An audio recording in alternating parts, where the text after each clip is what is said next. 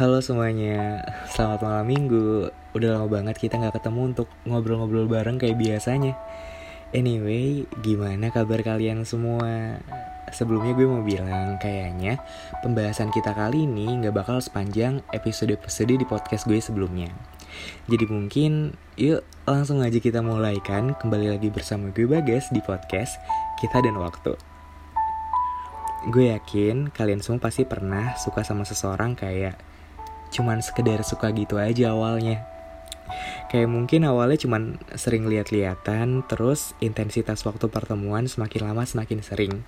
Jadilah deh dia, nama dia, sebagai mood booster baru dalam hidup kita. Agak lucu dan sedikit menjengkelkan. Menurut gue pribadi ya, gue yang sangat teramat berhati-hati sama masalah hati biar gak jatuh-jatuh lagi. Tapi semesta kayak selalu ngajak gue bercanda, ngajak gue kembali belajar banyak hal baru sama seseorang tersebut. Kayak, eh, ayo dong berpetualang lagi, berjalan lagi. Ngapain sih diem-diem mulu di tempat? Emang gak bosan apa? Padahal kan diemnya gue juga sambil merenung gitu tentang hidup. Jujur seneng banget gue kalau ngebahas sama yang namanya pelajaran, makna, goals tentang hidup Pokoknya tentang semua hal yang berarti dalam hidup gue, gue selalu seneng dan semangat. Apalagi dijalani sama seseorang yang kita suka. Iya banget gak sih? ya benar seperti apa yang gue bilang di awal tadi. Lucu, tapi sedikit menjengkelkan. Seru di awal, tapi hmm, sering kali menyakitkan di akhir. Karena ya, seringnya gue cuma ditakdirkan untuk menemukan, tapi bukan untuk memiliki. Kalau dibilang sedih ya lumayan sedih. Tapi juga ngapain sih sedih-sedihan mulu? Gak sedih-sedih amat juga sih sebenarnya. Bukankah Tuhan selalu punya rencana? Hal lucunya lagi, gue gak pernah sama sekali minta sama Tuhan untuk bisa ketemuan setiap saat. Tapi one day pasti selalu ada hari di mana eventually tiba-tiba ketemu gitu aja.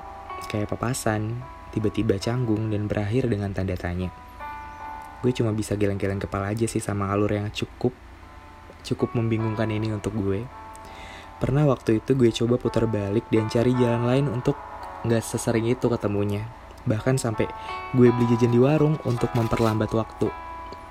Eh pas jalan pulang tiba-tiba ketemu lagi dan disenyumin aja. ya seneng gak sih digituin? Seneng gak sih lo ketemu sama sosok yang lo suka sesering itu intensitasnya? Gue aja sampai bertanya-tanya.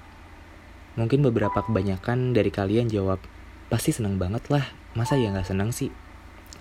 Tapi ya gitu, at the end of the day, mungkin karena banyaknya sharing cerita tentang hidup, ngobrol sana sini, dari obrolan super ringan sampai seberat bom atom, gue lewatin sama dia. Tapi ujung-ujungnya selalu jalan sama yang lain. mungkin memang bukan jodoh kali ya mungkin di sini banyak juga dari teman-teman pendengar gue yang lewatin fase ini juga sejenak selamanya. Mungkin kata-kata itulah yang terpikirkan dalam benak. Memang mungkin sama-sama dan jalan barengnya cuma bentaran aja. Tapi makna dan pelajaran hidup itu kuncinya makna dan pelajaran hidup dari kisah yang cuman sementara ini yang akan selalu bertahan, membekas selamanya. Percaya deh, yang namanya pesan baik itu susah banget loh untuk dilupain. Apalagi pesan baik dari sosok yang spesial. Sosok yang dulunya pernah punya tempat tersendiri di hati kamu. Bener gak? Ternyata memang benar.